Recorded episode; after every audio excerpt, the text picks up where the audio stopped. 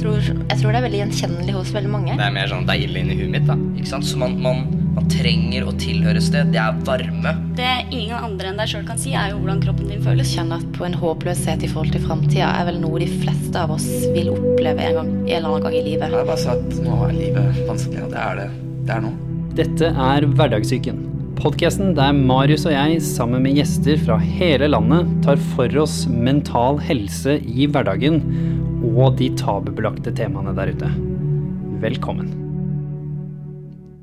Og velkommen tilbake til Hverdagssyken. Og nå begynner begge gjestene mine å le, fordi nå har vi allerede gjennomgått den største utfordringen i podkasten, for dette skal handle om ADHD, og vi har vært, måttet være stille i ti sekunder før vi begynte å prate. Hvor vanskelig var det, Thomas? Det var ikke det at vi måtte være stille i ti sekunder. Det var det, det var du sa at vi måtte være stille i ti sekunder som gjorde det litt eh, vanskelig. Ja, For regler er vanskelig. Nei, jeg er mer sånn urimeligheten, og ikke minst at det var du som sa det. Nå må dere være stille i ti sekunder fra nå! Altså, du mener at jeg sliter med å være stille i ti sekunder? Jeg sier at det ble en uh, litt uryddig og uoversiktlig situasjon. Det er bra. Var Så- det ti sekunder? Det var ti, ti ADHD-sekunder, da. Men Ja. det er jo ja, Det har vært sånn regna seks og et halvt. da har jeg gått tom for tålmodighet. Egen tidsregning, det. Ja. Så i dag skal vi rett og slett snakke om ADHD, og vi er jo tre mannfolk, gutter, så vi skal jo også sånn sett også snakke om ADHD og eh, menn. Og vi skal snakke litt om hvordan det har hatt en ganske forskjellig historie i våre tres eh, liv.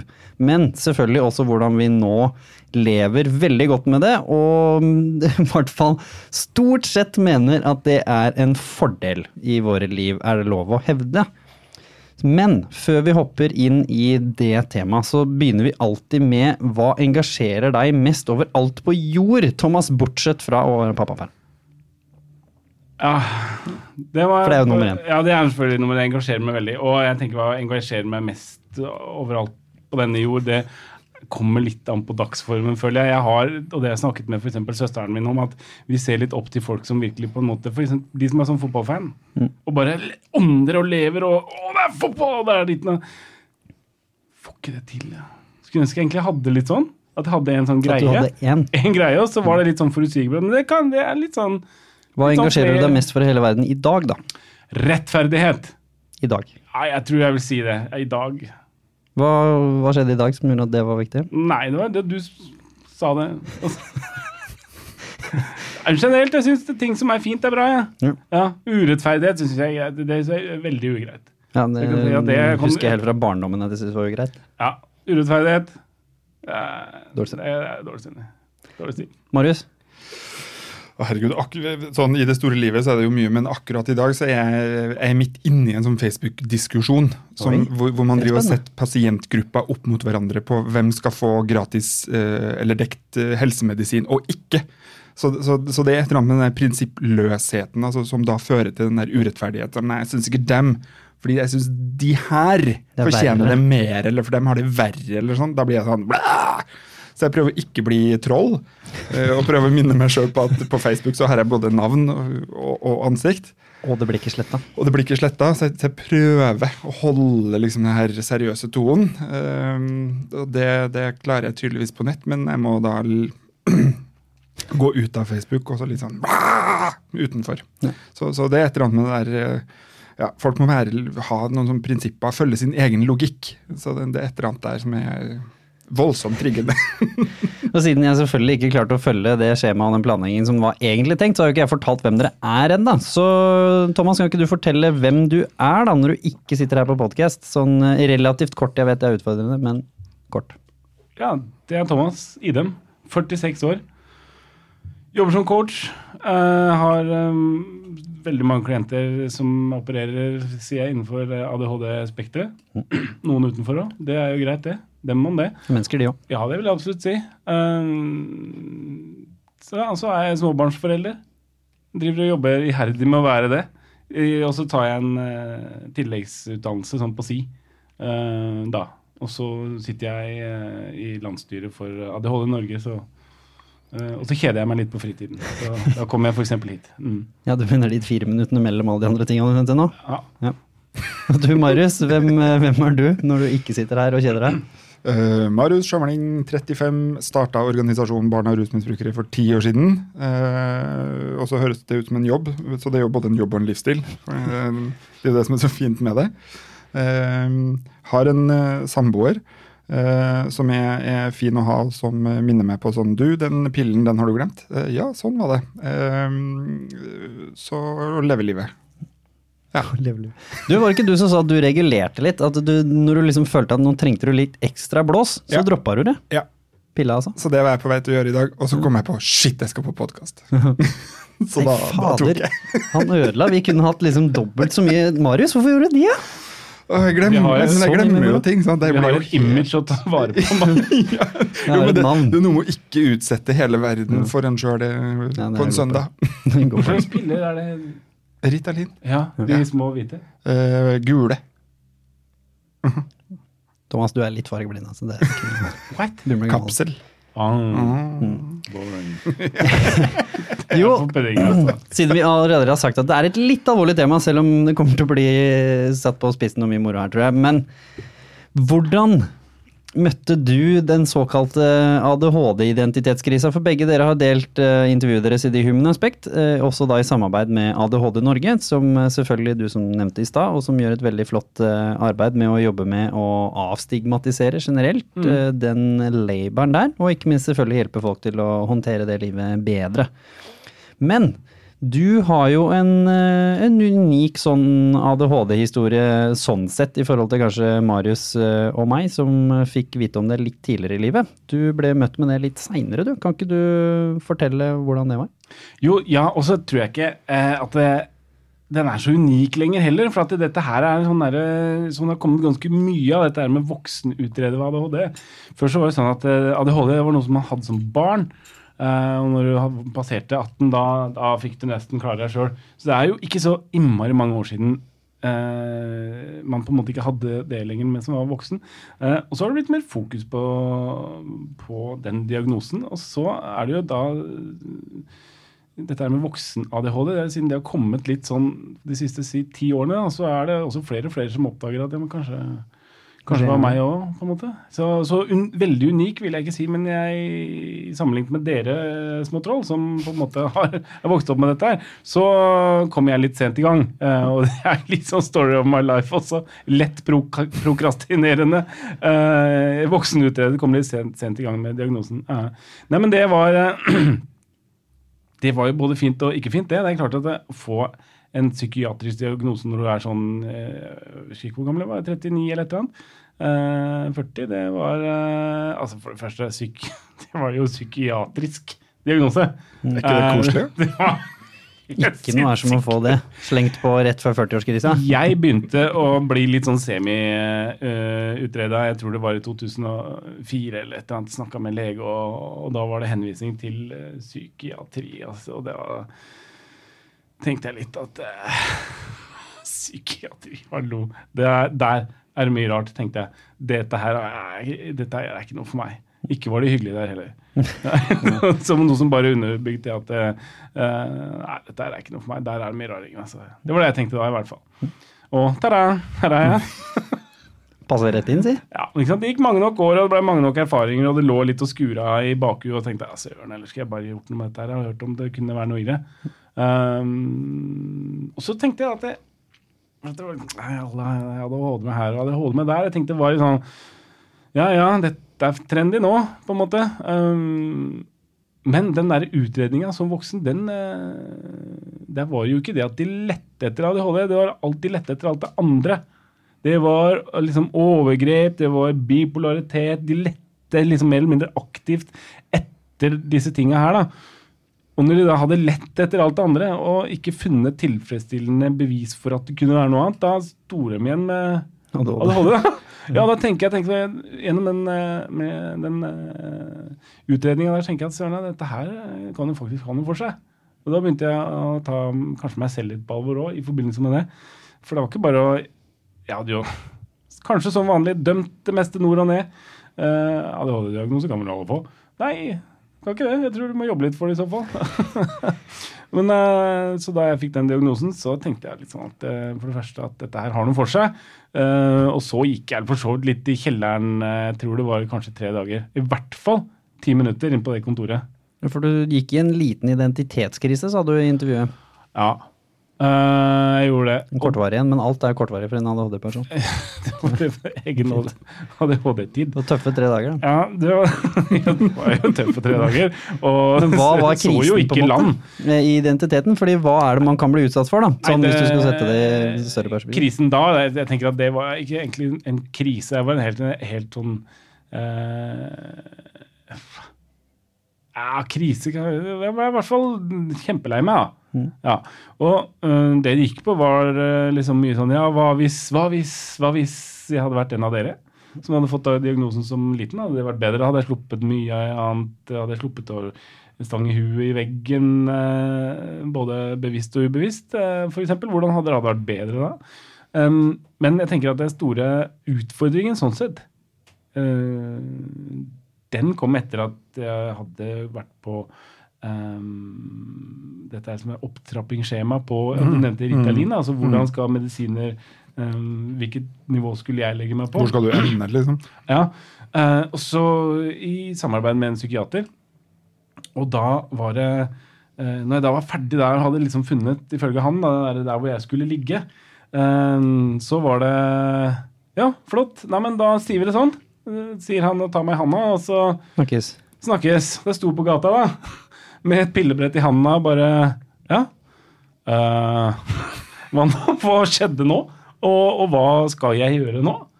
Uh, for den store utfordringen der var den der med at jeg, jeg kjente meg sjøl ganske godt uten pillene. Men med pillene så var jeg en ganske mye annen person. Hvordan og det var litt vanskelig. Nei, for eksempel, jeg vet ikke om du har prøvd noen av disse pillene selv. Uh, det å kunne oppleve ro uten å måtte være helt utslitt, eksempel. Det å kunne ha lange tankerekker når jeg hadde lyst til å ha, ha dem. Mm. det gjorde jo noe med meg, eksempel. Det å kunne tenke gjennom ordentlig godt og tenke at ja, det der tror jeg var en eh, god tanke, og jeg tror jeg går for det. Eh, jeg velger allikevel å sove på det til i morgen. Det er sånn, eh, et helt annet eh, perspektiv på ganske vanlige hverdagslige ting, men på den annen side så er de der hverdagslige, vanlige tingene gjerne de det er flest av. da. Eh, og det tenker jeg eh, gjorde sitt til at, eh, at jeg opplevde meg selv som en så veldig annen med når jeg gikk på medisin og ikke. Du var en annen person. Liksom. Ja, og der kom den der du nevnte, sånn krise. Litt identitetskrise der, altså. Identitet, identitetsforvirring. Um, ja, men nå er det sånn, og nå, hvordan skal jeg gjøre dette nå?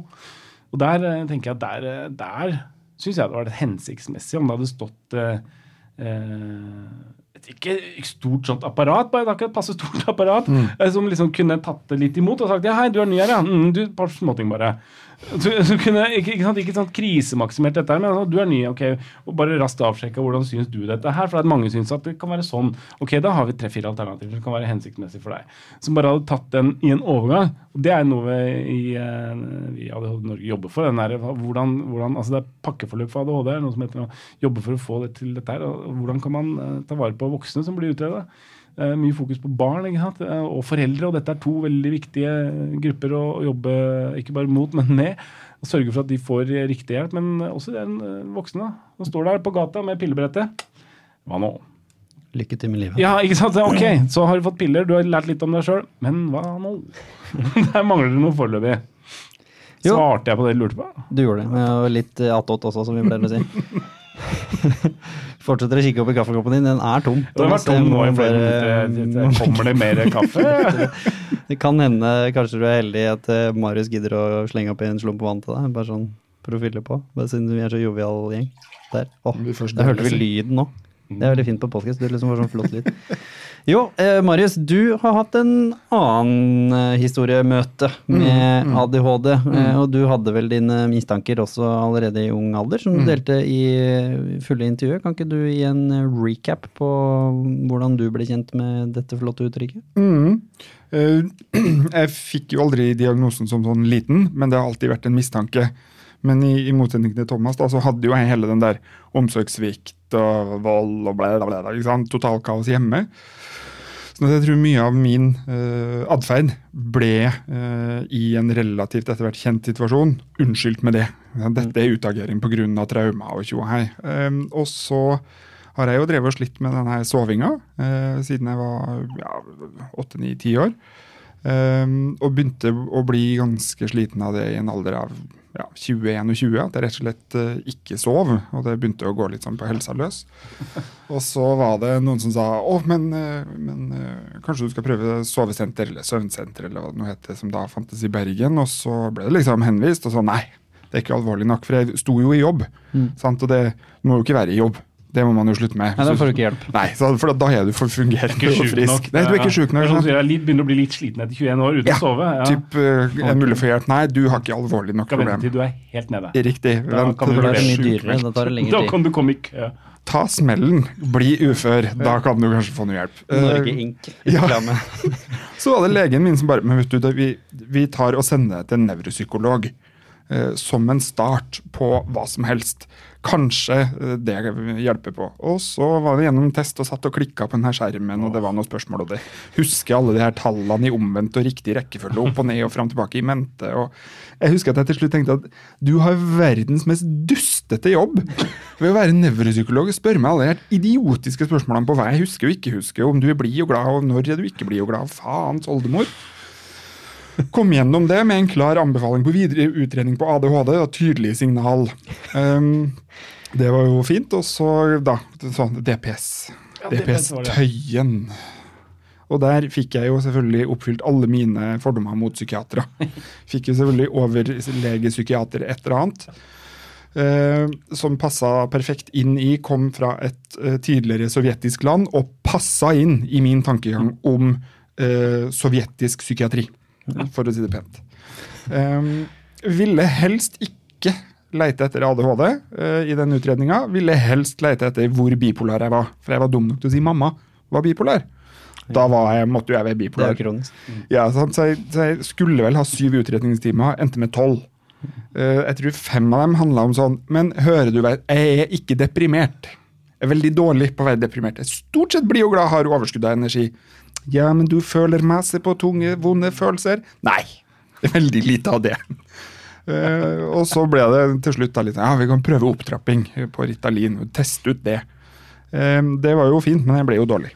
Uh, så jeg lå jo på jobb og brekka meg og spydde og holdt på og tjohei. Men de to timene medisinen funka, så var det sånn Oh, det er stille i hodet. Jøss, jeg får til å skrive en hel mail uten å tenke på de 14 andre mailene som jeg skal skrive etterpå.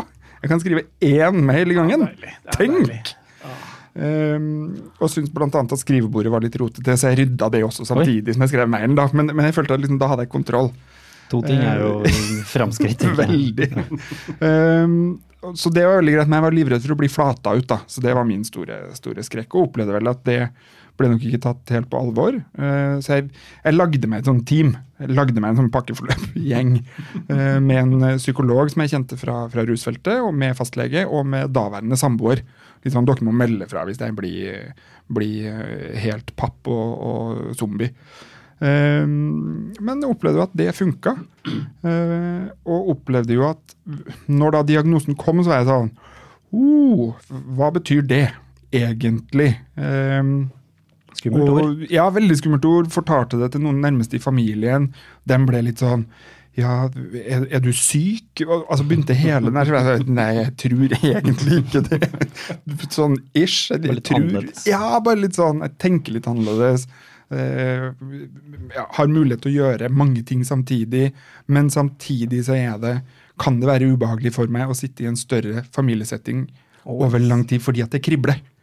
Og så er det ingen forståelse for det. Ehm, så, så jeg endte vel på en sånn Jeg kan ta dette som yes, jeg har en altså, psykiatrisk diagnose. Uh, jeg tror jeg googla fordeler. Sånn, sånn ren sånn trygdemessig fordeler. Ja, ja, så, hva kan jeg få ut av dette? Uh, jeg husker jeg var opptatt av gratis tannpleie. For det hadde jeg sett at noen som gikk på Ritalin, kunne få gratis tannlege. Passe på tennene. Gud forby at de blir dårlige. Ja, Ja, ja. ja, smart. Ehm, og ellers var det sånn, bruke det som, som en mulighet. Og det, det var vel det det endte opp med. At ok, nå skjønner jeg hvorfor jeg kan jobbe 15 timer i døgnet eh, når andre ikke kan det, på en måte. Eh, så, så for meg så ble den litt sånn Dette var jo ikke så skummelt som, som det jeg hadde hørt mange snakke om, da. Eh, og så har jeg jo endt opp kanskje med å få litt den distansen på det. sånn, men nå må man slutte å liksom Å, stakkar ADHD. Kan man heller snakke om Hei, så bra! Hva er ditt talent innenfor det? For jeg møter jo stadig da, bare her, sant, folk som har ADHD som jeg tenker sånn Men jeg er jo ikke helt sånn. Å nei, for man må ikke være lik selv om man har samme diagnose. Kl- klamre seg til en viss atferd. Liksom. Sant, det, det Noen kan være A, noen kan være D, noen kan være Ja. H, noen kan være D. Ja, Jeg tenker er liksom du sier at det ikke bare det at det var, var din egenskap med ADHD. Jeg har liksom kommet litt fram til at jeg har ADHD. Ja, så hva? Hva Ja. sa så? Hvem er du, da? Ja. Ja. Hvem er du? på Hvem er måte, du ja. Litt som før vi starta her. litt sånn, Har du kjæreste? Nei, ja, det er ikke ADHD-en sin skyld. Nei. Sant? Altså, det, det, er et eller annet, det fins ting som jeg jo kjenner i mitt liv at jeg kan noen ganger. Litt sånn den nyankklare ADHD-en som kommer fra sidelinja og forstyrrer. Ja, Men, det er ganske mye hvor jeg tenker sånn Dette, Marius, Så er ditt ansvar. Dette må du ta ansvar for. Også en av de som tenker at først av alt, og først og fremst så er vi kanskje mennesker. Ja, det er noe med det, altså. Nei, nå må ikke du begynne å Nei, jeg, ja, nei dette var ikke noen påstand. Jeg bare ville gjerne på en måte sette han i en bås. Ja, ja. Nei, det, det, så det, det, men det, det er stadig noen sånne overraskelser. Eh, Etter hvert som jeg blir eldre, tenker jeg sånn hvordan, Så blir jeg mer opptatt av hvordan det ikke passer å ha ADHD. Ja. På sett og vis. Bryllup, begravelser, dåp. Begravelse kan jeg se for meg. Den så jeg en gang komme. Sitte i ro. Eh, de her normerte rammene. Nå, nå skal vi gjøre sånn. Og så er det sånn, «Åh, Gud, jeg kjeder meg, jeg kjeder meg, jeg kjeder meg. kjeder meg, kjeder meg. Vær stille i ti sekunder, som han starta med. Ja, så at jeg er sånn, Vær stille i ti sekunder. Fint at den varer i seks og en halv. Da går det greit. sånn. Jeg får Gud forbi den å være ti. Ja, for det, og det er et er eller annet hvor jeg kan merke at, at mitt behov kan bli forstyrrende for andre i den settinga. Og det er ikke så mye forståelse. Nei. Eh, så, så det er litt sånn og I jobb så opplever jeg ofte litt sånn eh, ja, ikke Skal være foredragsholdere et eller annet, og så har de reservert plass på første rad. Det er jo det dummeste stedet jeg kan sitte. Jeg sitter jo ikke på bakerste rad fordi at jeg er 35 og egentlig vil være 13 og trassig. Jeg sitter der fordi at da forstyrrer jeg ingen. Fordi jeg kan da kikke på mobilen, spille Candy Crush og få med innhold. Fordi du faktisk hører bedre hvis du spiller Ja, Candy Crush sant. mens du hører på. Det er akkurat Det er det. Det kan du ikke gjøre på første rad. Så nå skal vi hoppe inn i det som er litt morsomt, før vi går videre til hvordan man skal deale med dette her. Og det er hvis eh, du, Thomas, skulle delt med noen som ikke har ADHD og har null forståelse for hvordan det er, og hvis du skulle dele din mest stereotype eksempel på hvordan eh, ADHD-en herjer i ditt liv, hva skulle det vært? Stereotypisk. Altså den du mener er liksom en ting som virkelig kan forklare forskjellen på en ADHD, eller deg, og en såkalt person uten disse fire flotte bokstavene. At det er sånn eh, Marius nevnte med de normene. Alt som skal. Skal skulle, burde, måtte, måtte, må, skal, bør. Uh, og da uh, Jeg har en gammel kollega Jeg er nesten kollega ennå, men det er mer at han faktisk er gammel, da. Uh, han ble intervjua på det, og han er fra Sø- Sørlandet og er sånn rocker. da, og Er fremdeles det, og spiller en konserter og Uh, ble spurt liksom, hva med dette med punken og sånn. Er du punker ennå, Bård? liksom? Ja, hvis vi tar hva sa noe sånt, hvis vi tar det med punken som sånn at det er et opprør altså, jeg, tror, jeg kjenner fremdeles på det opprøret i meg. Så sånn sett, ja, jeg må bare Jeg tenker litt sånn den derre Jeg har vel fått den et par ganger. at jeg, jeg, Må du være så trassig, Thomas? Og der dukker det opp to ting. For det første trass som en sånn merkelapp. Hva legger i det? Ja? Hæ? Hva? Hm? At vi ikke er enige i alt. Og det andre er må. Nei. Jeg må. Det er to ting som trigger. En er merkelappen, og den andre den derre må. Nei, må jeg ikke. Men kanskje jeg må litt allikevel. Det er den der, eh, for hvis vi tar og, eh, altså ADHD blir snakket veldig mye om hva er, som skal, hvilke kriterier kan det skal være så så mye hyperaktivitet, så så mye oppmerksomhet. Og, og så er det noen som har ADHD bare litt sånn lav H. Sant? Og det er mange måter den hyperaktiviteten eller aktiviteten kan komme seg til uttrykk for. Men eh, jeg tenker at det, Snakket jeg meg litt bort, Kjetil? Hva var Du, spørsmålet? du svarer jo på spørsmålet uten å svare på spørsmålet. Ja. fordi du kom jo med et eksempel om at det er veldig vanskelig å forme og følge én tankerekke. Det dukker opp Det ting underveis er mens du at de snakker. gjør det, som i livet for øvrig. Som For oss. Odd Børresen ville sagt. Har du noen andre eksempler? Og der er jo dette her med, Vi kan snakke mye om ADHD, men det er den derre Hvis vi kommer til kjernen, så er det denne her men kanskje litt vanskeligere å regulere. Altså reguleringsevnen. Evnen regulere seg sjøl, sin egen atferd. Eh, og den kan jo gi seg utslag i f.eks. at hvis noen andre ønsker å regulere, vær stille nå. I ti sekunder. Sant? Nå må du ta deg sammen. Så, så kommer det, det er en sånn lett Tourettes-aktig over det. At det blir sånn der, klarer ikke stoppe! Og da er det greit å kunne da på forhånd eh, vite det, da, som kanskje ikke trenger å omgås disse menneskene så ofte. Mm. Ja, Det er det ene. Og det andre er å kanskje ha litt overskudd i utgangspunktet. sånn at hvis man treffer sånne mennesker som du veit kan gi litt sånn vel, kanskje uforholdsmessig mye, mye respons eh, Mm. i meg selv, så er det greit at resten av livet i hvert fall er på stell. Ja. Ja, at jeg er, jeg er mett og utørst og jeg Har har trent og gjort lekser. eller Ja, har ting på stell, sånn at jeg kan tenke at det er greit. Det kan du bare mene. Jævla bare ja. Og du, eh, Marius, hvis du liksom skulle prøvd å forklare, og det har du sikkert gjort før òg, hvordan det er for deg da, å, å ha ADHD til en som eh, ikke forstår det, hva ville du brukt som et par eksempler? Jeg tror det ene eksempelet er det som øh, Det tror jeg det jeg bruker mest. Det er der øh, vi kan gå på kino sammen. Øh, og vi kan godt se Ringenes herre-maraton sammenhengende. Mm. Det klarer jeg. Eh, men du må ikke kommentere at jeg sitter og vugger. For jeg sitter jo med hele kroppen og vugger. Jeg gjør det hjemme i sofaen. Jeg kan gjøre det under en lengre middag òg. og så var det noen som kommenterte ja, kanskje du har asperger. Så jeg sa Rolig nå. Det som skjer, er at jeg kan sitte i tolv timer og vugge. Og da får jeg med meg hele filmen. Hvis du ber meg om å sitte i ro, da Er Da er jeg helt borte. Så det, det er noen sånne eh, Et eller annet jeg Altså, jeg, jeg må gjøre noe annet for å klare å ha fokuset der jeg skal følge med. Eller få det med meg, på en måte. Uh, en annen ting er vel litt sånn I hvert fall for min del, så er det tror jeg nok ADHD-en er med å hjelpe meg inn i å uh, hoppe inn og ut av relasjoner. Uh, og det kan jo også sikkert være negativt og dissosiering og alt det der, det. Men, men, men, men mer sånn i sosiale settinger så er det eh, er det helt fint å gå fra én samtale til en annen samtale til en tredje samtale til en fjerde samtale og være like eller føle meg like til stede i alle samtaler. Um, men, men da har jeg behov for å være i, med i de ulike samtalene. Jeg klarer ikke nødvendigvis at det står fem rundt meg og prater med hverandre. For da må jeg få med meg hva alle de sier. Ja, og du hører hva alle sier. Jeg hører absolutt hva For alle det sier. er en sånn annen ting som jeg Ja. pleier å bruke som mitt eksempel. Fordi jeg pleier å dra fram, ok, hvis du sitter med en venninne eller en kompis på en Mm. kafé eller restaurant, og du snakker med den personen for såkalte vanlige mennesker, hva nå enn det betyr her i verden, Mm. så duser de andre samtalene ut, Mm. og du hører hva din venn sier. Mm. Sånn funker det ikke for meg. Jeg hører like godt hva alle de andre rundt meg sier, som min venn samtidig. Mm. Og det kan gjøre deg gæren på den ene siden, og det kan også være interessant hvis de snakker om noe spennende, de ved siden av Altså. Så det kommer litt an på det. Det er utrolig mye man kan få med seg fra hva de andre snakker om. Ja. Det er så mye. deilig. Det er den der reguleringsproblematikken. Ikke sant? Det, det den er toveis. Det ene er litt reguleringsproblematikk utover, og Innover. like mye av hva som går inn. Det er det som er den der, De aller fleste er enige om at det er et eller annet i filteret der som kanskje gjør at det er litt vel åpent.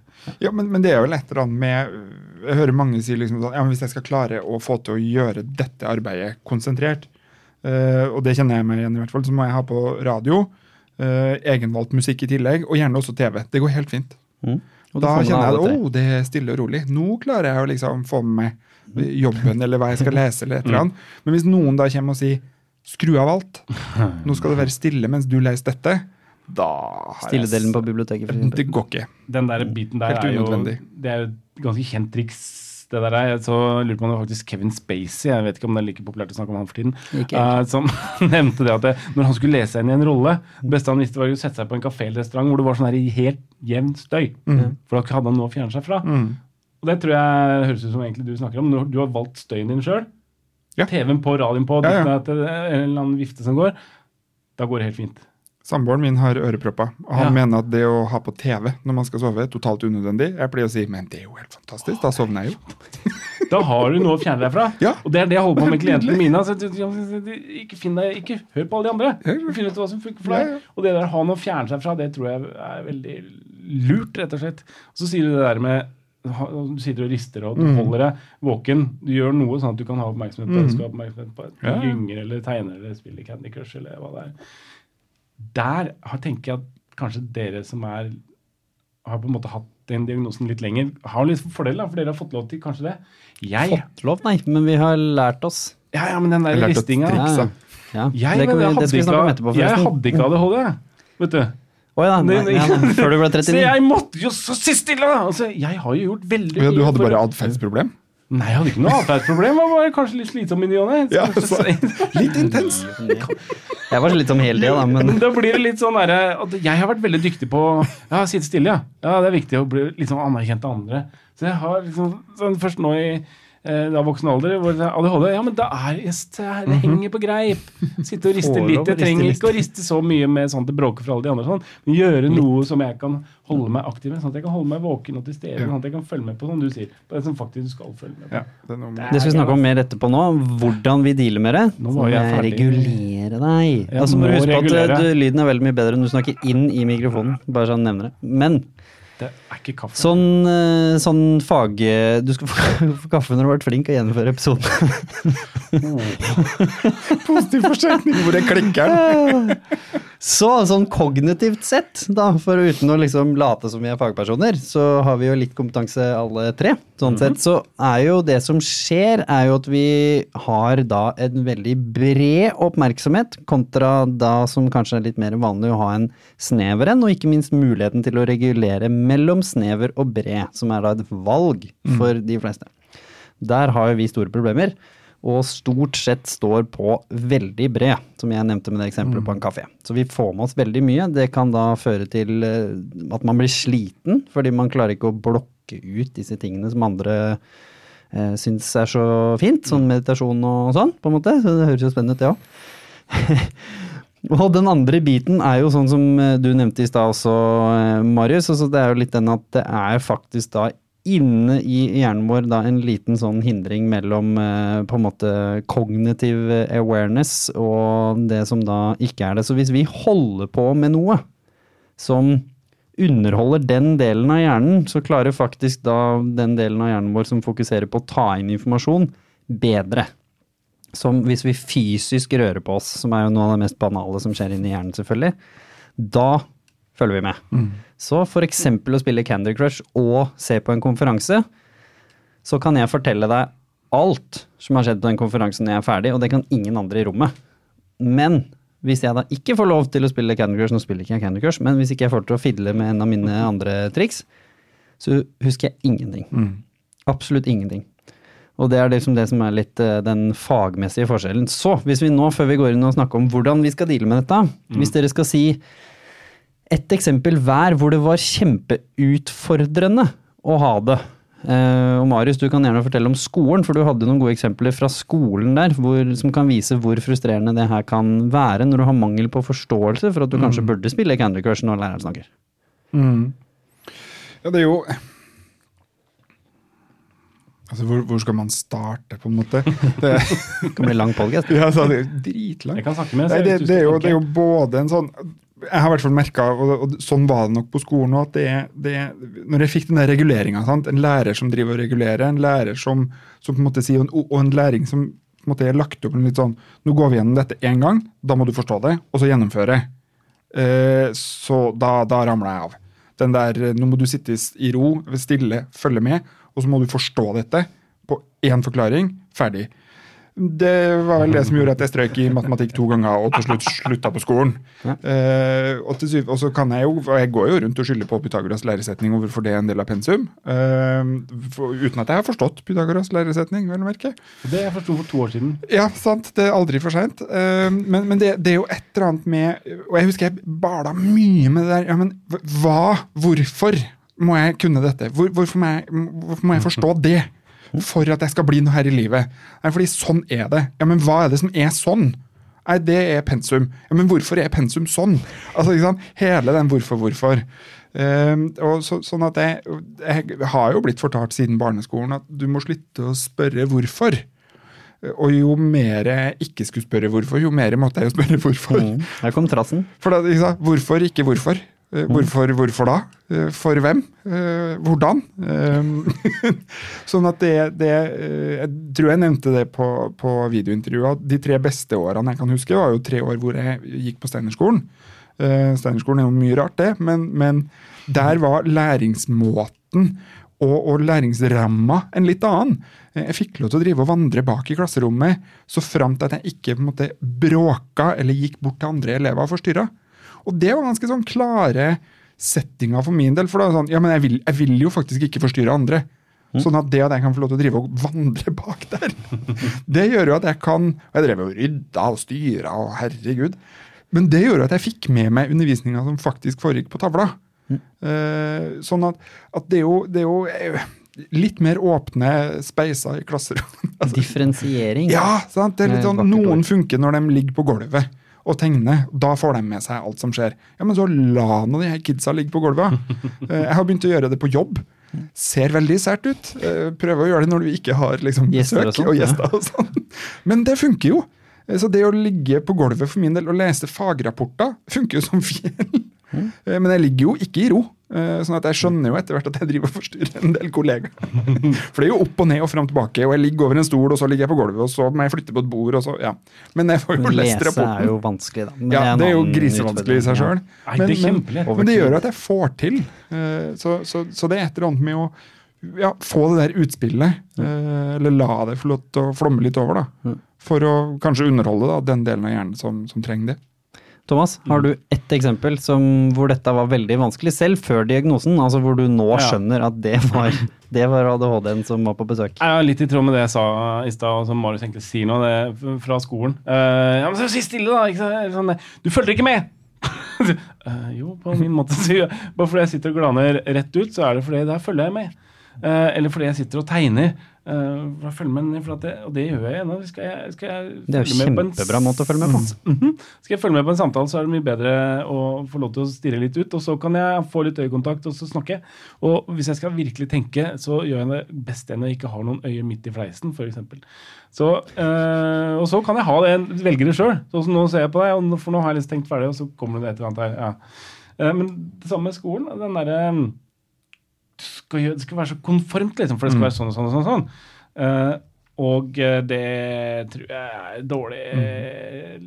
rammer for eh, læring. Altså, det, det, den derre skoletanken der jeg er ikke så sikker på at dette funker så veldig bra. altså. Pugging, prøving, Det ferdig. funker jo for 80% men for oss i 20 så funker det dårlig, og så funker det medium pluss for 40% Og så funker det veldig bra for 40 sånn regna. Ja, Det var tatt helt ut av løfta, bare sånn at eh, seerne eller lytterne våre ikke tar meg på det, men noe sånt. Men det er det der med at det skal være ganske kort da, fra teori til praksis. Det kan også være hensiktsmessig. Du ser på en del av de Det heter ikke det nå lenger, men det er sånn spesialskole hvor folk bygde et hus og en båt og litt sånne ting. Eh, folk som Og lærte matte mens Folk som ikke kunne og matte. båt. Og så i tillegg, ikke bare at de kunne, ikke kunne matte, de var stokk dumme òg. I hvert fall i egne øyne, for det, ører, det, for det hadde de fått hørt mange nok ganger. Mm. Og så plutselig klarer du å beregne eh, Pythagoras læresett. Ja, ikke bare det. Mm. Så videre. Eh, bare fordi det er veldig kort fra teori til praksis. Og det er å holde på med bevegelser, det kan være ganske hensiktsmessig. hvis du har for Og bli forklart hvorfor, Ja. som var jo en viktig ting for Marius også. Hvorfor også skulle det være matte? For det, er- handler om å se helheten på hva han skal holde på med. Da. Og så er det sånn Hvorfor det er liksom et av disse her Vær varsom-ordene. da, Så har du en liten sånn obsternasi-fant. da, som er, Hvorfor det? Hvorfor det? Hvorfor det? Sånn coaching-teknisk sett så er, det en del, hvorfor. så er det en del ord som man kanskje kan eh, bytte ut. Og det, hvorfor er et av dem? Det kan vi snakke om en sikkert en annen dag. Ja, Da du som er si coach, hva, hva kan vi si istedenfor hvorfor? Ja, hvorfor skal vi være forsiktige med å si hvorfor, da, tenker du? Nei, det var sånn kort spørsmål. Ikke Nei, det burde jeg aldri spurt. Jeg kan, komme, jeg kan ta fasiten med en gang. Ja, gjør det. For at hver På Pythagoras, eller hvorfor? på hvorfor, ja. eller fasiten for den som ganske anerkjent blant mange. Mm. er Fasiten for at hvis jeg spør deg altså, hvorfor har du piggsveis, hva svarer du da? Fordi at det har jeg Fordi valgt. at, ikke sant? Det kommer alltid fordi Mm. at kommer først, og fordi at Og det er jo liksom Det er jo forsvar, nesten. Mm. Det er to ting her. Det kommer et dritkort svar. Så hvis du har lyst på et skikkelig kort svar, spør hvorfor. For det kommer fordi at Wow, trommelyd. For da, Og så er vi ferdig med det. Mm, det kommer ikke noe mer der. Og sjansen er ganske stor at hvis jeg, hvis jeg fortsetter å spørre han, ja, men hvorfor liker du det? Og da kan kanskje sjansen ganske stor, som du sier, at det, kanskje han ikke føler seg angrepet, men han kan tenke at det, faen er gærent med det, da? Hvorfor? Altså, det blir litt sånn lett angrepsstilling. Hvorfor? det? Du må stå til rette for Hvorfor skal jeg stå til rette for det? Det er fordi Og så er vi i gang. Hva er alternativet? Lang, oppfordre til lange setninger, sånn at vi kan få tilgang på folks faktiske tanker. Så kan man si hvor Hva er tanken bak Hva- den flotte piggsveisen din? Piggsveis. kan jeg si det. Piggsveis? Stilig. Hva er grunnen til at du velger å gå med piggsveis? Liksom? Gå, kan man gå med en sveis? Ja, Bære. Ja, poenget er at Hvis du tar og spør hva, hva tenker du om dette, her, så begynner han å klø seg i bakhodet, og nå kommer det et langt svar. Sånn, det, Det er ikke en del av den podkasten her, men Marius, hvis du nå skulle hoppa liksom rett inn i For vi har jo lært en, en ting om Det er så morsomt at du fortsatt kikker i den kaffekoppen. jeg er så optimistisk, og jeg liksom tenker det er, Ah. kunne jo vært at det plutselig var litt Det, det kunne Jeg er som en bikkje, altså. Veldig artig. Og de sier Eh, folk med ADHD ikke kan liksom holde av den fokus. koppen òg, så Det var, litt, det var faktisk litt igjen i ene hjørnet av koppen. veldig bra. Sikker på at det ikke var vann da fra Marius. Det var vann. Ja. Jo, eh, Marius, hvis du nå da Fordi det kommer til å sitte og høre masse folk på nå som både har ADHD selv, både i eh, ungdomsalder og i voksen alder, og som kanskje tror de har det, men ikke har sjekka, og pårørende. Hvis vi nå skulle snakka litt om hvordan i all verden skal vi få det beste ut av mennesker som tilfeldigvis har disse fire bokstavene som en bonus? For det er jo som du sier i stad, det, det er jo grunnlaget her. Vi er jo først og fremst de personlighetene vi er. Og så blir jo denne lille bonus, eh, sånn vår, det er jo egentlig bare noe på toppen av det. Men hvordan skal vi deale med det? At ikke det blir en hindring? Hva gjorde du? Det er vel egentlig det jeg prøver å spørre om. Ikke sånn generelt alle fasitsvarene her, men hva funka for deg? Jeg tror det som funka for meg når jeg på en måte da landa i den, ok, da har jeg ADHD. Uh, så var det å begynne å gå den prosessen med Men uh, hva er det med uh, det som kan være positivt for min del? Hva er det jeg er god på?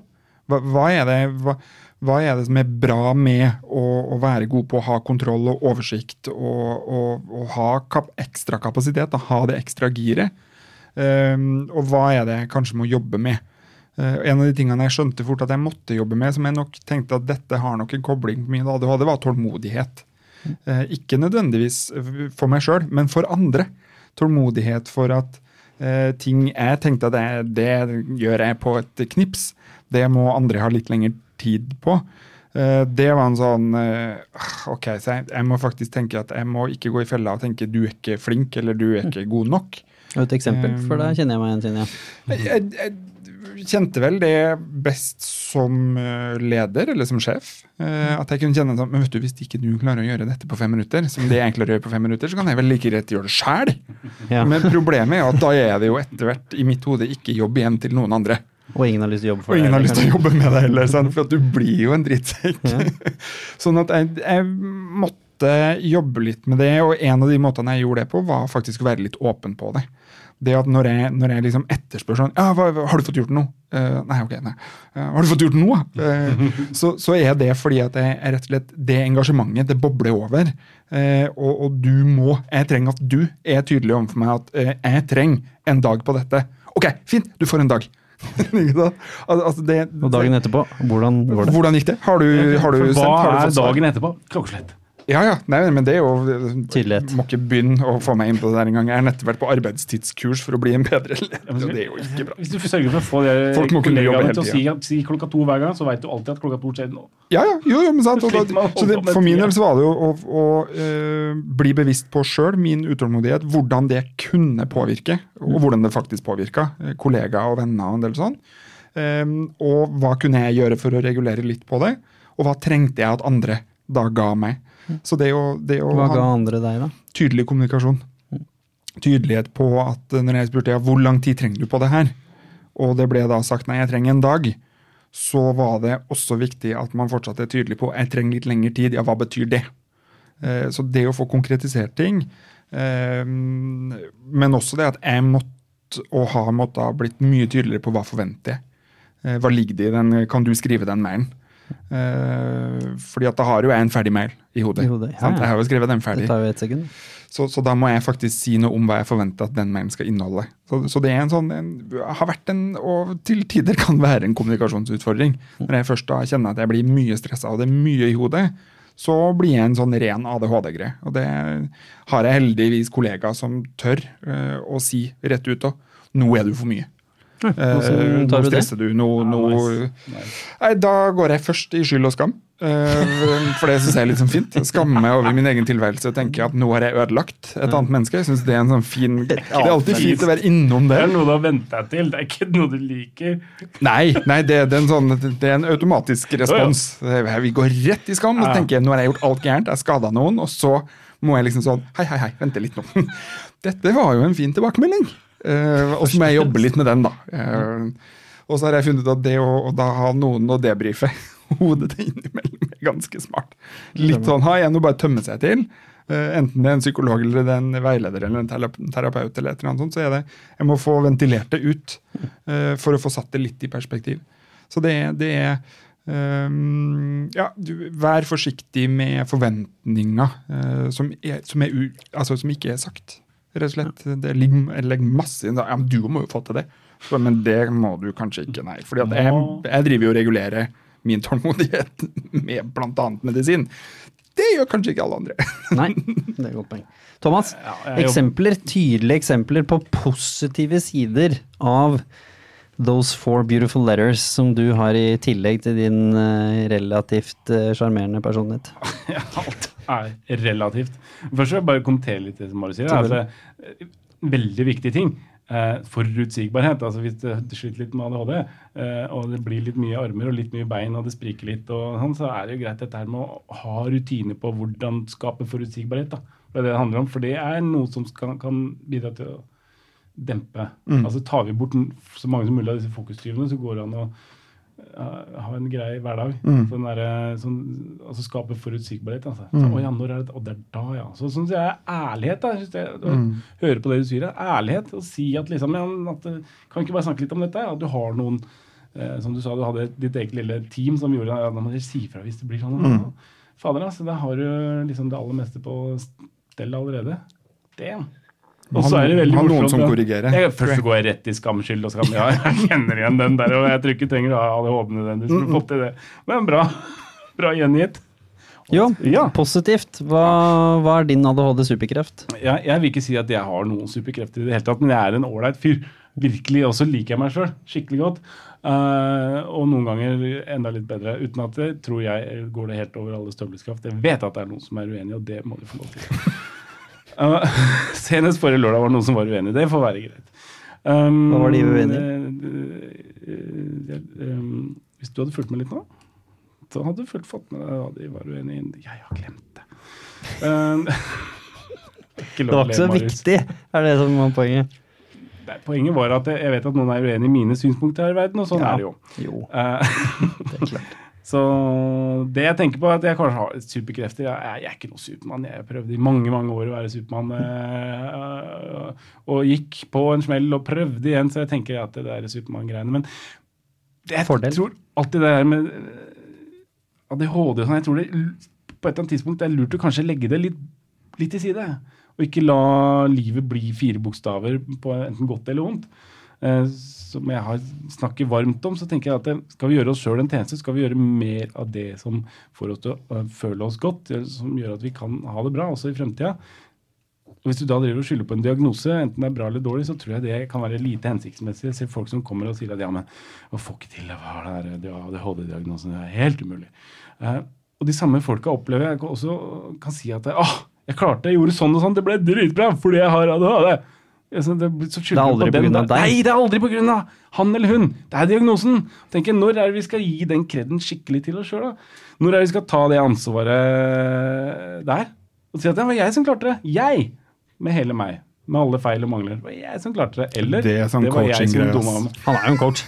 Ja, Kommer men- ikke unna den. Altså, jeg kjenner bare sånn Jeg la det være det- ADHD-en. Det går helt fint. Ikke begynn å ta det lenger inn enn det. Det jeg tenker på det negative. kan være greit noen ganger å ha en liten buffer. Det kan bli litt mye skyld og skam. Ja, det er klart. Da er det Det lett å bare trekke dere ADHD, og så kan du hoppe forbi skillet. Ja, Å sant. ja, det var pga. ADHD. Jeg glemte pila mi i dag. Så. Det er- Det av ADHD. Men der stopper det. For senere så må vi ta over. Fordeler. Jeg tenker at, for Det er tre sånne hovedtrekk. Det er hyperaktivitet, og så er det dette med lett uoppmerksomhet. Og den der impulsiviteten. da. Uh, og tenker jeg at uh, det motsatte av alle disse tingene her altså Vi kan sikkert si at hva er veldig dumt med ADHD, er forferdelig og masse negativt. Men det motsatte av disse negative tingene, som f.eks. hyperaktivitet, er at man har faktisk en del energi. Og under gitte forhold, eh, f.eks. har du god, rimelig god selvinnsikt, har du rimelig god ærlighet, sånn at du kan få litt hjelp til å tilrettelegge for deg sjøl i hverdagen, så vil den derre eh, gi seg resultater i effektivitet. Sant? At du kan kunne yte litt ekstra når det trengs. Eh, også dette her med impulsivitet, sånn at du, så at du går fra den ene og går fra den andre. og er liksom klar å snu, kan snu på hælen. Altså, det klart det blir innmari slitsomt i lengden. Men bare det å ha den egenskapen, og kjenne til svakheten også, Han skal ikke gjøre det hele livet, men han skal faktisk kunne snu rundt. Uh, dette her er fleksibilitet. ikke sant? Dette her er evnen til å snu rundt på hælen og ta ting på sparket. Vi skal ikke gjøre det mener jeg, til en vane å ta alt på sparket. Men det å kunne ha den evnen, det er å kunne bruke den riktig, den mener jeg er helt fantastisk, rett og slett. Og det der med uoppmerksomhet, jeg er litt usikker på hva som egentlig menes med det. fordi altså, i barnehagen så er alt fint. Der løper man rundt og har det helt fantastisk, og leker og du får mat, og det er fullt av Og så plutselig skal du på skolen, og så er det boom, sitt ned i 45 minutter av gangen, hold kjeft og les boka di. Noen ganger er det 50 hvis læreren er kjip. Veit det. Uh, og da er det sånn når den der sjuåringen eller åtteåringen sitter der og ikke følger med, så er det ikke sikkert, tenker jeg, og dette er min personlige mening, så er det ikke sikkert at det er fordi han eller hun ikke følger med. Det kan rett og slett også være fordi vedkommende er dypt konsentrert om noe helt annet. Som er mye mer spennende. Og ikke følge med, den der, å være uoppmerksom, det kjøper han ikke helt. altså. Og så er det jo sånn som du sier med, kan si mye rart om Steinerskolen, men kan i hvert fall legge til litt til rette for hva er det som vedkommende kan gjøre da, for at kan få vedkommende til å mestre mer da, på et tidlig stadium i livet. For å være på den sikre siden så har jeg sendt min lille sønn i Steiner-barnehagen, for jeg ser jeg har masse eh, ting med Steiner som jeg tenker er litt sånn rart, men der jeg tror de får til mye der at det, gir litt sånn slack til individet. Litt rom. Ja, så bare å oppsummere, det er jo det at det, dette her med å ha, kunne ha overskudd når det trengs, eh, det å kunne faktisk ha en viss fleksibilitet, eh, og det å kunne faktisk ha evnen til å være kjempeoppmerksom.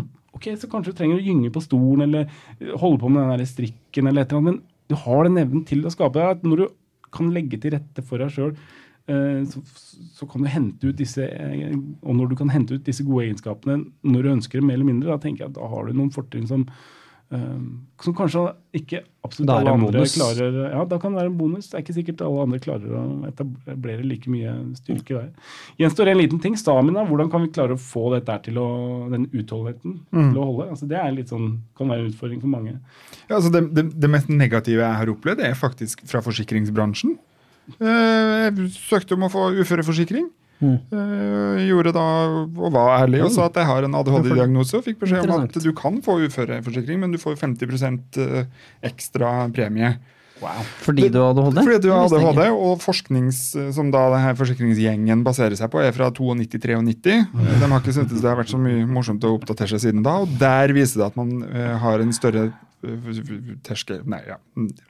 Større sjanse for å bli eh, tidlig ufør. Hvilket selskap er det? Uh, dette var, Den gangen så var det Terra-gruppen. eller noe sånt. Ja, ja. Så, men det er faktisk det mest negative. Uh, utover det så har jo jeg opplevd Men det kan hende at jeg jobber i organisasjonslivet, jeg har starta organisasjon, skapt min egen arbeidsplass, men vi er jo alle tre her, tre stykker, som ikke har eh, 8.15 til 15.30 jobb.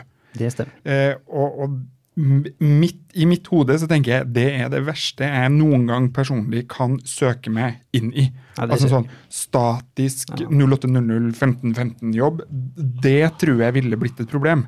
Det, vil, Sånn at ja, det jeg har vært et problem. Hvis du har ADHD eller lignende symptomer, så er det kanskje jobber som har fleksibel arbeidstid, kjernetid, eh, mulighet for hjemmekontor, eh, som har variert, da.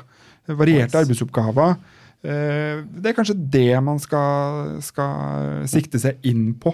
Eh, og, og kanskje er det en fin del at mange med ADHD eh, tør å hoppe litt i det.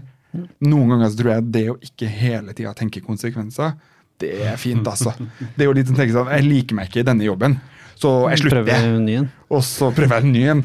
Det tror jeg kan være bra. Ja, Innenfor visse grenser er jeg helt ja, enig. så, så, så, så det er et eller annet Nei, jeg måtte liksom, selge eh, huset, da, men eh, Ikke tenk på det. Småkjipt, men det går fint. Nå skal jeg trekke litt på noen av de tinga dere har snakka, så jeg får gjort jobben min som programleder også. Det er jo fordel, jeg trenger jo ikke det når jeg har to ADHD-folk på besøk. Vanligvis må jeg jo dra ting ut av gjestene mine. Ikke alltid, da, det er joviale gjester her òg, men eh, de er ikke like chat-aktive som dere to. Det hører med til historien. Men litt sånn som eh, du sier, det, det der med at man blir sliten over tid. Det er jo en liten sånn spennende ting som jeg har utfordra også, fordi det er jo en norm som sies, som i mitt hode gjelder for kanskje de uten de fire bokstavene, egentlig. Jeg tror ikke, i hvert fall ikke med meg selv, så har jeg opplevd at når jeg har turt å legge fra meg det Så der, ja, der du slå litt på nabostativet. Thomas himler med øya, typisk Jimmy. Herregud. Så har kanskje det hjulpet meg. At jeg har ikke lagt det over meg. fordi jeg føler også at de gangene hvor jeg var sånn Jo, ja, men nå må jeg være sliten. Fordi at mattestykket går ikke opp, sant. Altså nå jobber du for mye, du har for lite fri, osv., osv. Og dette var lenge før The Human Aspect og sånne ting. Det var i, gamle dager hvor jeg hadde litt sånn CV som deg, Thomas. Det var liksom fulltidsjobb der, deltidsskole der, ikke sant. Og så et par idrettslag jeg var leder for. altså. Bare sånn fordi jeg kjeda meg litt. Og det hjalp meg veldig med en gang jeg bare tenkte ja, men hva om det kanskje ikke er sånn? Hvis jeg heller bare blir nysgjerrig på hva som er greit for meg, og tør å spørre hvordan har jeg det nå?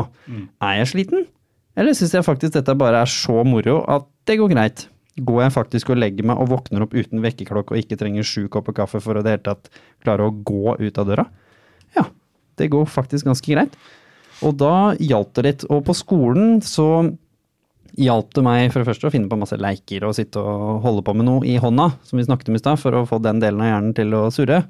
Men også det hjalp veldig for søvnen, som du sleit mye med, Marius, så var idrett veldig hjelpsomt for meg. Altså noe fysisk aktivitet hver dag.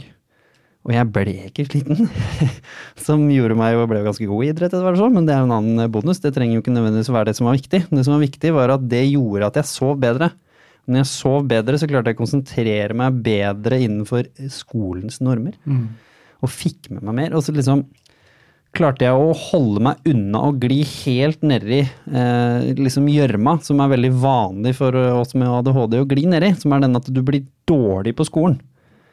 Jeg var ikke dårlig på skolen, jeg var veldig flink, men jeg lærte ingenting på tradisjonell måte. Nå driver de og leker med at det er noen som har lyst til å potensielt skrive en artikkel om at jeg kanskje har Norges høyeste gjennomsnittskarakterer uten å ha lest en skolebok noen gang. Hva nå enn det betyr. En av de der sånn trivielle norgesrekordene som du vil ha på CV-en. som bare sånn, Hvor mange butts kan du legge til for å få en norgesrekord? Men i hvert fall det å tørre som forelder, da, tenker jeg, hvis du hører på nå, men også gjerne de som, som har, eh, føler på dette selv, da, som har ADHD.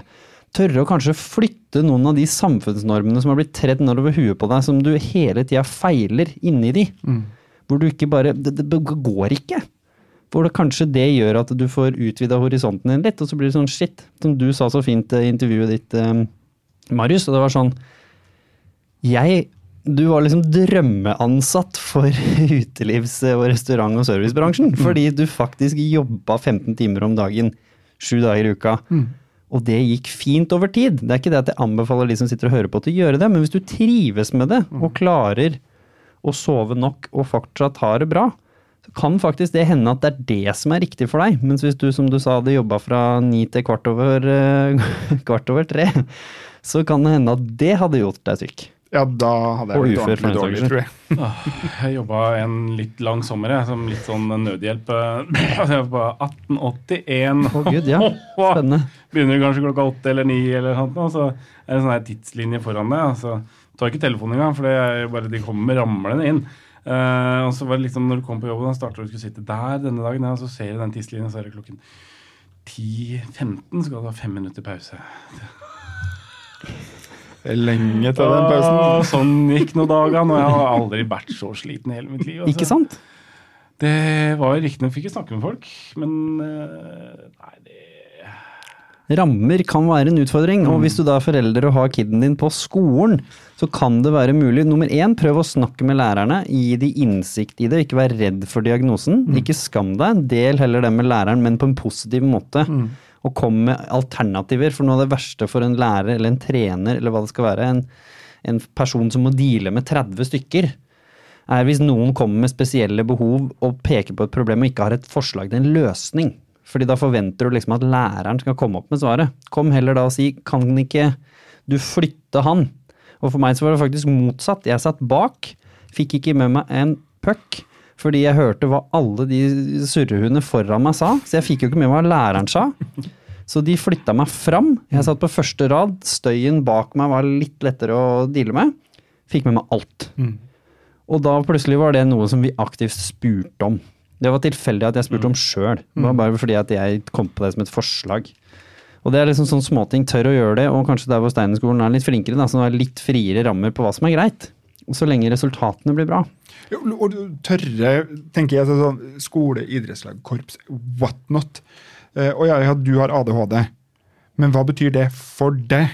Ja, Ikke sant? som For det, person, det er et det er eller annet sånn, for meg så funka det jo å være han melkemannen, eller melkegutten, da, som, som fikk lov til å hente melk hver jæklere dag. For da fikk jeg jo den turen ut av klasserommet, eh, to etasjer ned i kjelleren, hente melka, bære det opp og sette det fra meg. Eh, For min del handla det om å slippe unna syv minutter av den timen. Men No. Sånn. da fikk Jo, jeg jo også beveget meg og fikk litt aktivitet. Mens for andre så er det akkurat den der ja, men få lov til å sitte foran, eh, få lov til å sitte og skrable, Eller gå følge med, bak, eller gå bak. Eller? Så det, det er et eller annet med Ikke tenk på dette som dette er en utfordring som vi må deale med. Dette er en mulighet. Men hva ligger i det? Hva trenger du? Eh, Som ikke krever massiv tilrettelegging og spesped og gud vetta veit. Mens med de der små tingene eh, kan vi få til det. Stort sett så kan man jo. Og begynn med det, fordi spesped kan bli veldig negativt. Vi har intervjua to andre som har liksom kommet med det, fordi hvis du allerede er litt spesiell Jeg var rar, jeg var utafor. Og så sitter en kar ved siden av deg som er spesped. Du blir jo ikke noe mindre rar. Det blir jo weird, liksom. Ikke sant? Du Nå blir ikke skal vi gi noe litt unikt til, til deg, lille venn. Så prøv alt annet. Det er ikke det at vi skal mobbe spesped, de er fantastiske, og de, de bidrar jo, det er jo ikke det. Men prøv noe for guds skyld for den stakkars personen som kanskje allerede føler seg litt utafor. Og prøv andre ting. Differensier innafor normene. Gi den et eller annet å leke med. La den få lov å tegne altså, de syv dvergene på et ark mens de får med seg matte, fordi de får det faktisk med seg. Hvis selvfølgelig resultatene er bra. Du gjør jo ikke det hvis personen ikke klarer å svare på oppgaven. Da er det jo et annet problem her. Men tør å spørre dem også. Hva Barn er ikke helt hjerneskada. Hvis den er ti år gammel unge, så, spør ja, hva, hva trenger du for å følge med? Er det så fryktelig vanskelig for oss voksne å tørre å spørre en yngre person om hva de trenger sjøl? Har de ikke en tanke og mening sjøl? Hvis du har en elev som da funker med ørepropper og musikk på når man skal være stille og gjøre matteoppgaver, hva er problemet? Problemet, ja. Altså, Hva i all verden er problemet? Så lenge du ikke forstyrrer noen andre, som Sant? du sa. For det er jo det som gjerne da skjer. Ta ut de øreproppene. Da begynner jo forstyrrelsen. Mm. Jeg har aldri skjønt det der. Altså, det, er så, det er lue og caps og alt sånt her. Men hvis han er en hyggelig fyr Og har lue. og har lue Ikke kjemp om den lua!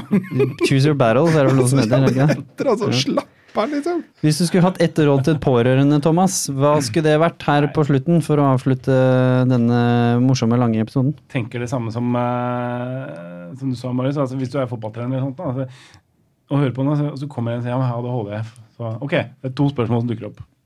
Det ene er ok, hva har det jeg å si? Som Marius sier, hva betyr det for deg? Spørsmål nummer to, hva betyr det for den relasjonen du og jeg har, og det vi skal gjøre på denne arenaen? Og ikke ta at ja, men jeg kan ikke kjøpe sånn, ja, men det blir litt vanskelig. Ikke kjøp de der tingene. Hva funker? Lett å si, altså. Men det er det det ender opp med, for vi skal finne ut hva er det som funker. Ferdig snakka. Um, og Og så du, ja, nemlig, og så hadde du et spørsmål. Pårørende. Ja, pårørende, hvis du hadde råd. Du var inne på det. Ja, altså. det var det samme, det. ikke sant? Det er jo det, dette er en del pårørende Du har jo blitt pappa, så sier du til fedre og mødre? Da tenker jeg Hvis du har et barn, og så viser det seg at eksempel, du hadde et fra før av, og så tenker du at du har oppskriften på hvordan du skal drive med barneoppdragelse, og så kommer det et barn til, så viser det seg at dette er helt annerledes enn det første. For det kan faktisk skje. Da står du litt der og klør deg både her og der, og da tenker jeg at hvis det ender sånn at du faktisk får en diagnose som kan hete ADHD, tenker jeg da dukker opp et par ting, og det ene er eh, søk informasjon. Ok, Søk informasjon. Da har du ADHD i Norge, du har mm, andre steder, du kan, men ikke les deg helt blind på alt som står på nettet. Kom til, gjerne til kilden. Det fins bøker som er faktisk ganske greie å titte på. Og det finnes mennesker som jobber for Det fins mennesker også. Og det går an å sende melding til ADHD Norge, og der er noe, kan det være noen foredrag, det kan være noen kurs. Men les deg opp. det står ikke et apparat og gir deg akkurat den informasjonen du trenger. Den trenger du å søke sjøl. Sånn er det når man dessverre faller litt utenfor A4. Da må du som forelder søke opp sjøl. Og så tenker jeg at det aller største ansvaret man har som forelder Dette er noe jeg alltid har sagt, og nå kan jeg si det med, med litt mer pomp og prakt og fynd, for nå har jeg et barn selv, og jeg har hatt det i over et år. Uh, og det er den aller, aller største oppgaven vi har som foreldre. Det er å ikke å sørge for at barnet vårt har det bra hele tiden, men å sørge for at barnet vårt skal på et visst tidspunkt stå alene på egne bein. Forberede de på verden. Bar, Det er selvstendighetstrening. Den begynner med en gang de er født. Eh, og sånn er det bare. Det er litt trist. Min lille tass han uh, skal ikke være min lille tass uh, livet ut. altså. Ikke sur det til pappa og mamma. Det er sånn der som er litt trist å kjenne på når du er forelder. At det skal ikke være min lille tass. Det er ikke det. Min jobb er ikke å eh, la han være lille tassen. Han skal ut, opp og fram. Nødvendigvis ikke ha suksess i alt mulig rart, men hva er det som funker best for ham? Det aller viktigste for dette barnet er at han skal i hvert fall kunne være trygg i seg sjøl. Mm. Mange veier dit. Men det er den oppgaven vi har hovedoppgaven som foreldre. Skape eh, barn som når de vokser opp, blir 14-15-16-18 et eller annet, kan trygge seg sjøl, sånn at de kan sette, bidra til å sette sine egne grenser. For det har de lært fra før av oss. Kan kunne si til han der kameraten som kjører altfor fort eller kjører full, at nei, jeg blir ikke med. Det er faktisk ikke så jævlig kult. Jeg ringer eller politiet og sitter på med deg. Eh, eller nei, jeg syns ikke det er kult å mobbe andre fordi de lukter rart eller har annen hår. Det er ikke fett. Eh, det er ikke kult å henge ut andre fordi de er eh, homofile eller hva det er. Det er ikke digg. Det handler om å kunne tenke litt lenger fram i tid som foreldre og kunne si at i fremtida så vil jeg ha en eh, sønn eller datter som skal kunne rakrygget stå og si meningen sin på en ålreit måte. Det tenker jeg er veldig lurt. Og hva skal til, si når man har en ADHD-diagnose, hvordan skal vi få til det da? Med diagnosen, for det kan være en utfordring. Skal ikke stikke det under en stol. Det finnes masse andre utfordringer også. Tenåringer generelt, vil jeg si. Skal få en ADHD-diagnose i tillegg. tenker jeg at det, det er målet, det er det vi skal jobbe med. Uh, rett og slett. Også, Noe mer detaljert tror jeg ikke vi skal ta her og nå. Men å ha de litt sånn store linjene uh, som vi kan hekte oss på, sånn at når det koker litt ned, så kan vi si ok, hvordan, hvordan, hvordan ligger vi an nå? Hva trenger jeg som pårørende? Ikke sant? Trenger du trøst og omsorg fordi at du syns det er vanskelig å stå i det? Trenger du Mm. verktøy? Altså, Ja, noe det er å, å tørre å tenke med litt sånn Som har Ja, samme sant? utfordring, som kanskje var foran deg i Ja, kunne være moden, eller være, ikke moden, det var feil om du kunne være vågal, sånn som du er ganske, jeg oppfatter deg som ganske modig når du legger til rette for deg sjøl som du gjør, men kan du moden det igjen? Modig! Som foreldre og si at har hatt et barn med ADHD-diagnose, nå trenger jeg hjelp. Mm. Dette klarer ikke jeg aleine. Mm. Jeg trenger hjelp. Marius, vi avbrøt deg. Det er også ganske vanlig når man har ADHD, og det er ikke vondt ment. Sånn for som skjer. på. Nei, altså jeg, jeg tenker jo at jeg, jeg, jeg kjenner til noen som da har fått ADHD-diagnose som voksen, og, og som, eh, hvor det kan kludres til i, i et parforhold. Hmm. For her er man voksen. Eh, og, og der tenker jeg at det er en sånn, ja, men hva er det du som den voksne pårørende i dette trenger? Trenger du noe eh, emosjonell omsorg i dette? Altså klem, og, og på en måte jeg forstår at dette er vanskelig, og alt det der. Så, det, så, du, så har du lov til det. Du har lov til å søke det, du har lov til å be om det. Trenger du verktøy for hvordan skal vi nå kommunisere sammen? Hvordan skal vi kunne få til denne relasjonen? Ja, da er det det du skal gå etter. Sånn at jeg tenker at det er noe med pårørende er, er ofte altfor for, uh, lite selvsentrerte, egentlig. Tenker altfor lite 'hva trenger jeg?' og går fort i sånn 'hva skal jeg gjøre for at den jeg er glad i, skal få det bra med en gang'? Så tenker jeg, men Snu på det. Hva trenger du for at du skal klare å stå i dette? Eh, For det er kanskje da man, man kan få den riktige hjelpa. da. For vi har jo behov for ulike ting. Så jeg tenker at uh, min samboer må fortsatt uh, være den som tør å si 'nå tror jeg du kanskje har glemt noe'. Eh, Nå er du litt mye, Marius. nå er det litt mye, sant? for det, det er jo det er han det faktisk går utover. Og jeg merker det jo ikke. Fordi det, det er litt sånn blind spot. Så, så, og da tenker jeg at da har en av mine oppgaver vært å, å på en måte si da, at du må faktisk tørre å si noe om det. Og du må Eh, selvfølgelig ikke bli sur. og jeg må selvfølgelig ikke bli sur. Så, så det har vi måttet ha jobba med. Så det, det, og da var det sånne ting som du må slutte å si det på den måten. Ja. Eh? Det, det er sånn, Du må slutte å si sånn 'Jeg tror kanskje du har glemt å ta pilla di', for da, da går jeg jo i fistel. Og så må du rett og slett si 'Du, har du huska å, å ta i dag?' Ja. Så, så bare det er en sånn uh, Lære seg å stå i den. Uh, hvordan kan vi snakke sammen om det? uh, For å få det til å funke. da. For jeg skjønner jo at jeg også ikke akkurat alltid er like enkel å ha med å gjøre. Er ikke det det som er litt spennende? tenker jeg? Jo, det tenker jeg jo. mer Det måtte jo være greit, det. Ja, Så er det sånn her, nå, nå må du Der kom den igjen. Altså, jeg fort- jeg jobba en del i barnehage før. Jobba med folk som jobber i barnehage. Fortvilt prøver å lære bort dette her. Må, må, det hører vi ikke på. Altså Nei. Det er ikke mye barn som hører på det, i hvert fall. Så der burde man jo forstå det, tenker jeg. Må. Ja. Kom en ordentlig grunn. Fint. Mm. Så fint forslag. Det er kanskje det jeg ikke er det derre må, må du ta pilla di, som er det beste. Føles mye bedre. for en liten reminder. Har du huska? Har du, eller har du tatt den rett og slett i dag? Og du kan si at jeg har tatt den faktisk, men nå er jeg forbanna fordi Ok, greit, men da tar vi det derfra. Og stort sett når jeg ikke har tatt den, så er det fordi at min rutine er brutt. Mm. For jeg har glemt å tatt, og så har jeg spist frokost, og da har jeg glemt. Ja, Det, ja. det, det er borte. Ja, Sånn at hvis jeg ikke tar det rett før frokost, så er det utenfor rutinen. Da har jeg glemt det. Det som er deilig med rutiner. Slipper å tenke over det. Ja, det er Veldig nydelig. Ja. Fordel. Låste du døra i dag, Thomas? Aner ikke, men jeg vet av erfaring at jeg stort sett gjør det. ja. Det er akkurat det. Har jeg med nøkla? Ja, det har jeg. Da er det sannsynligvis låst. Da er det låst. Og det er gjerne det jeg vil avslutte med også. Det er at eh, man tør å utfordre, både hvis man har ADHD selv. Tør å utfordre disse normene, for det er ikke sikkert de passer for deg. Så da kan det hende at du får et bedre liv ved å bare rett og slett utforske deg sjøl og late som det ikke er noen normer, og så kan du heller putte de på plass igjen når du har utfordra territoriet. Og som foreldre, tør å være litt nysgjerrig. En 13-åring vet ganske godt hvordan de har det med seg selv, så spør dem du, hvordan er det egentlig å, å være på et familieselskap for deg? Og så kan det hende du får et ærlig svar som er rett og slett, vet du hva, det, det kan være ganske moro det, hvis jeg hadde fått lov til å gått ut tre-fire ganger i hvert fall. Bare for å ta meg en liten joggetur, eller altså en, en tusjenlis fram tilbake utafor. Og ikke være så fryktelig redd for at uh, noen skal falle utafor. Fordi som Thomas sier, hvis uh, kiden din er utafor, så er vel egentlig det eneste ansvaret ditt er vel å lære de å faktisk være et uh, så godt menneske som overhodet mulig. Med eller uten disse fire bokstavene. Ja. Så eh, vi vil veldig gjerne takke begge to for at dere kom, og at du, Thomas, klarte å holde hendene dine sånn noenlunde unna bordet. Du tromma ikke så mye. Veldig bra. Åh, det gikk ganske greit, vil jeg si. For deg også, Marius. Jeg, jeg tror vi naila det med at dette var den morsomste episoden vi har hatt om et veldig seriøst tema. Kan jeg få si noe om likepersoner? Selvfølgelig. ADHD Norge har likepersoner. Det står på nettsiden. Likepersoner. Hvis han syns det er litt skummelt å ta Tyr kontakt folk med som har lignende erfaring. Ja, ring dem. Ja. Hvis du lurer på noe. Begynn der. Absolutt. Eller se intervjuet til Thomas eller Marius, eller begge to, eller til og med Brita, som da snakker om pårørendeperspektivet, Ja. og Josef, som også snakker om både ADHD og Asperger. Så noen ganger så får du jo ja takk en cocktail også. Du får litt mer av begge deler. Brita, vet du. Hun har mye Brita er også en artig, artig dame som kom med et eh, veldig annet perspektiv, da, som, som pårørende. Og ikke minst mitt intervju også handler jo også um, litt om, eh, om ADHD, men da også andre utfordringer her i livet. Marius sitt også handler jo om eh, også vold eh, i hjemmet også, og en utfordrende bakgrunn, som du så flott eh, sa i stad. Så der ligger det snacks. Og på TED Talk finnes det noen snacks. The golden benefits of ADHD kan jeg gjerne anbefale på det varmeste. Den er riktignok på engelsk. Thomas, Thomas Idem heter Idem. han coachen der. Ja, merkelig type. Han vet men ikke helt hva allikevel, han har noen synspunkter som kan være av viss interesse. Ja. Kort der også var det bare 13 minutter til ja, det Og husk på Thomas sitt intervju etter rulleteksten, så er det, nå skal vi avsløre det, bloopers. Bloopers. Ja, de er faktisk veldig morsomme. Det er det eneste intervjuet som har det.